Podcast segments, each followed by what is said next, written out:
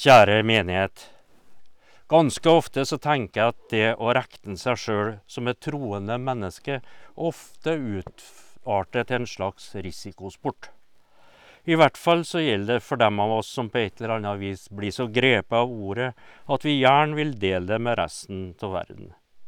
Og jeg mener helt oppriktig at det å velge et liv der Gud har en sentral plass, er et gode og et hjelp i livet. Vissheten om Guds nåde og kjærlighet gjør at vi så å si lever i stadig velsignelse. Ikke sånn at vi er beskytta mot sykdom, ulykke og dårlig økonomi, men at det blir til å holde ut fordi vi har en som følger oss og bryr seg om oss. Ikke så rart da at vi vil, gjerne vil dele gleden i Kristus og spre budskapet om han, som, om han som er kjærlighet, og som virker alt i alle. Og denne svulmende gleden over å vandre i lag med vår Herre og Mester på hans stier, den er høgst lovende og reell. Men med det fører det med seg noen åpenbare fallgruver. Den som plutselig møter Jesus, vil gjerne love et liv i hans etterfølgelse, og det betyr at man forsøker etter fattig evne å holde sin sti rein. Og det betyr bl.a. å følge de ti budene og prøve å motstå all verdens fristelser i form av alkohol, utroskap og hva det nå måtte være.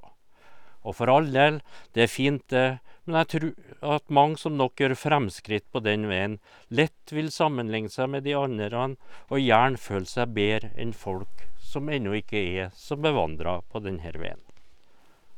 Det som i utgangspunktet er en fin ting, å få vandre i Guds lys og i sannferdighet, edruelighet og kyskhet, om det er lov til å bruke et så gammeldags ord.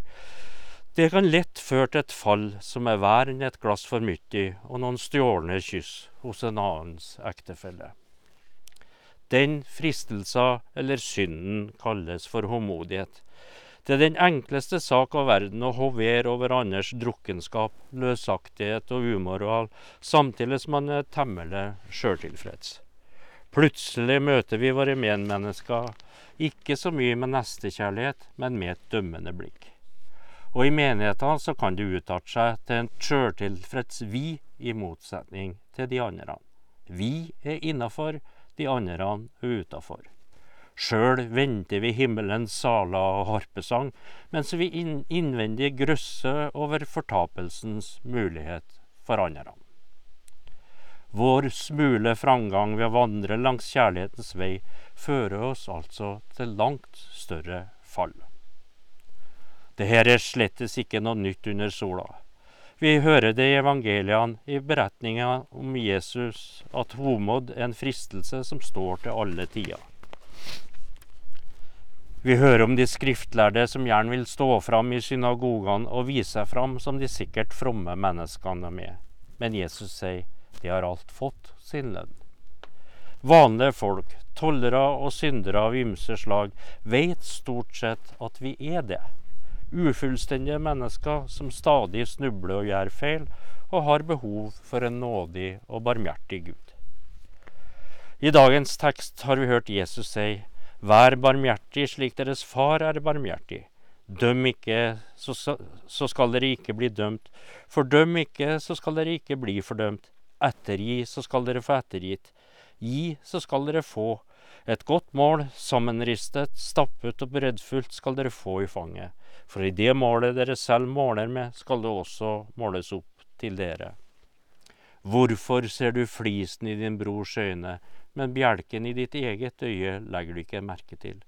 Hvordan kan du si til din bror, bror, la meg ta flisen ut av øyet ditt, når du ikke ser bjelken i ditt eget øye? Din hykler, ta først bjelken ut av ditt eget øye, da vil du se klart nok til å ta flisen ut av øyet til din bror.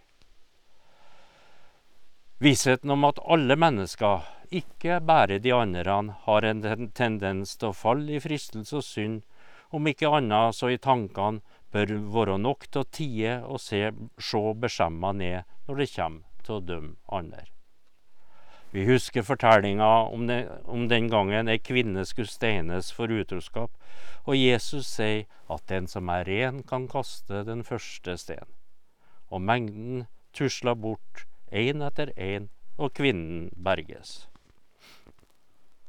Men ofte så klarer vi ikke å se bjelken i vårt eget øye, og resultatet er at vi blir noen aldeles ufyselige moralister som ser ned på alle andre. Og vår kirkehistorie er full av eksempler på at kirka finner det lettere å fordømme enn å tilgi. Vi begravde sjølmorderne utafor kirkemurene. Vi fordømte de gravide utafor ekteskap. Vi deltok i tatermisjon og støtta sterilisering og tvungen barneadopsjon og inntil nylig sa vi nei til vigsel av homofile. Vi som har som oppdrag å spre budskapet om Guds kjærlighet og nåde, har vært flinke til å legge stein til byrde for folk som sliter.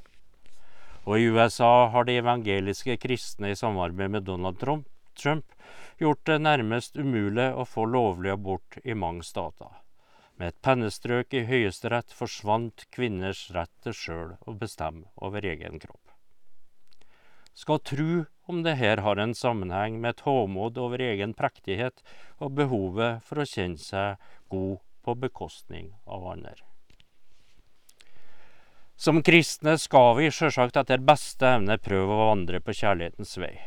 Og ofte vil det medføre at vi blir mer kjærlige, at vi lyger mindre, horer mindre, drikker mindre og vandrer på de litt smalere stiene. Det skulle da òg bare mangle. Hvis ikke så blir jo trua bare rent hykleri. Og det gjelder fullt ut at på frukten skal treet kjennes. Men det her er jo ikke vår egen fortjeneste. Det er noe som kommer som et resultat av Guds grenseløse kjærlighet hos alminnelige, arme syndere. Hvis vi leser helgenberetninga og beretninga om munker og nonner i ørkenen, og det vil jeg på det sterkeste anbefale å gjøre. Da ser vi at de frommeste av de fromme gjerne omtaler seg som arme syndere. For oss kan det virke rart at mennesker som etter alle solemerker lever nærmest hellige liv, sjøl benevner, benevner seg som syndere, og de mener det. Fra de gamle ørkenfedrene tar vi med et par historier. Munken sier Får du en virkelig håndmodig tanke, da gå i deg selv og tenk etter om du overholder budene, om du elsker dine fiender, om du gleder deg når det går dem godt, og bedrøves når de møter motgang, om du ser deg selv som en unyttig tjener og en synder som alle andre. For slik unngår du å tro at du bare har gjort godt i alle ting, ved vissheten om at nettopp en slik tanke ødelegger alt. Og til slutt, en bror spurte hva bør jeg legge meg på sinne mens jeg sitter i kloster, klostercellen. Munken Poemen svarte, jeg er bare et menneske, nedsenket til halsen i en dyp grav, og tynget av en stor byrd, byrd roper jeg, Gud ha barmhjertighet med meg. De her to historiene ble nedskrevet på 300-tallet og beskriver episoder og beretninger fra munkelivet i ødemarken de første to århundrene etter Kristus. Historien gir et innblikk i et barskt liv, stort sett i ensomhet i søken etter Gud. Og de her hellige kvinner og menn, de var som regel ytterst ydmyke. Det tror jeg er et resultat av en velutvikla evne til å se bjelken i egne øyne, og en redsel for nettopp å bli håndmodig. Å love i Kristus betyr å være villig til å bli betrakta som en noksagt og en ingenting. Å love i ydmykhet og tåle menneskers spott og spe. Som Paulus sier, men du, hvorfor dømmer du din bror, eller hvorfor ser du ned på din bror? Vi skal alle fram for Guds domstol, for det står skrevet, så sant jeg lever, sier Herren, for meg skal hvert kne bøye seg, og hvert tunge skal bekjenne Gud. Så skal altså hver enkelt av oss avlegge sitt eget regnskap for Gud. La oss ikke lenger dømme hverandre, døm heller slik. Ingen må få sin bror eller søster til å snuble og falle. Ære være Faderen og Sønnen og Den hellige ånd, som var, er og forblir én sann Gud fra evighet til evighet. La oss be. Gud, vi ber til deg for det folk som vandrer i mørket, for fanga og forfulgte, de brødløse og heimløse, de bombetrua og lemlesta, for de sjuke på kropp og sjel, de ensomme og bortglemte. Gud, vi ber.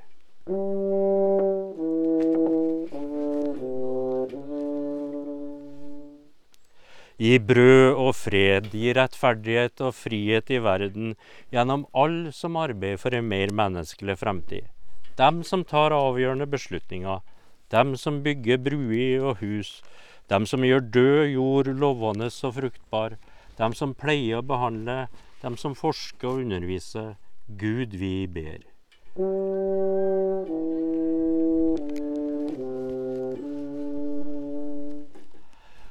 Gi oss alle av ditt ord gjennom de velsigna kirke som et daglig brød, ei kraft som virker til kjærlighetshandling gjennom dødsskyggens dal til vår heim hos deg. Gud, vi ber.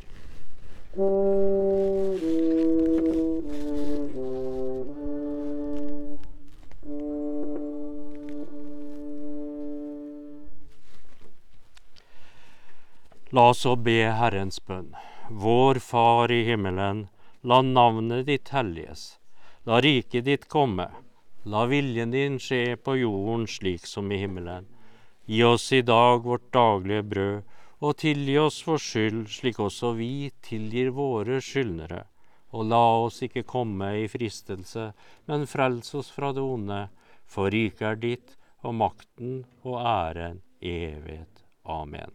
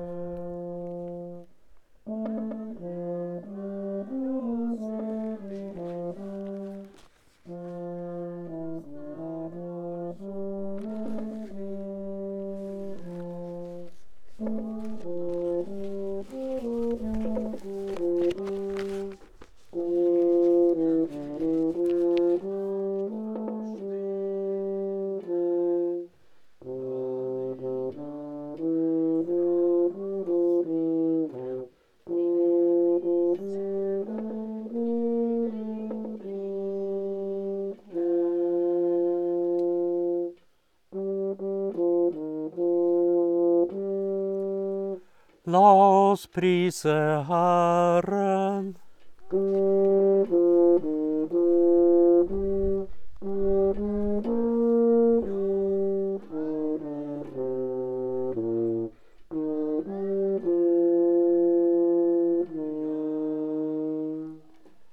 Jupmele datnem boresjugonote datnem varjele.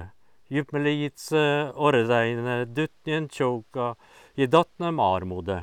Juppeleitse ordeiam dougouka jarkoe i dutniem refiam vata. Herren velsigne deg og bevare deg. Herren la sitt ansikt lyse over deg og være deg nådig. Herren løfte sitt åsyn på deg og gi deg fred.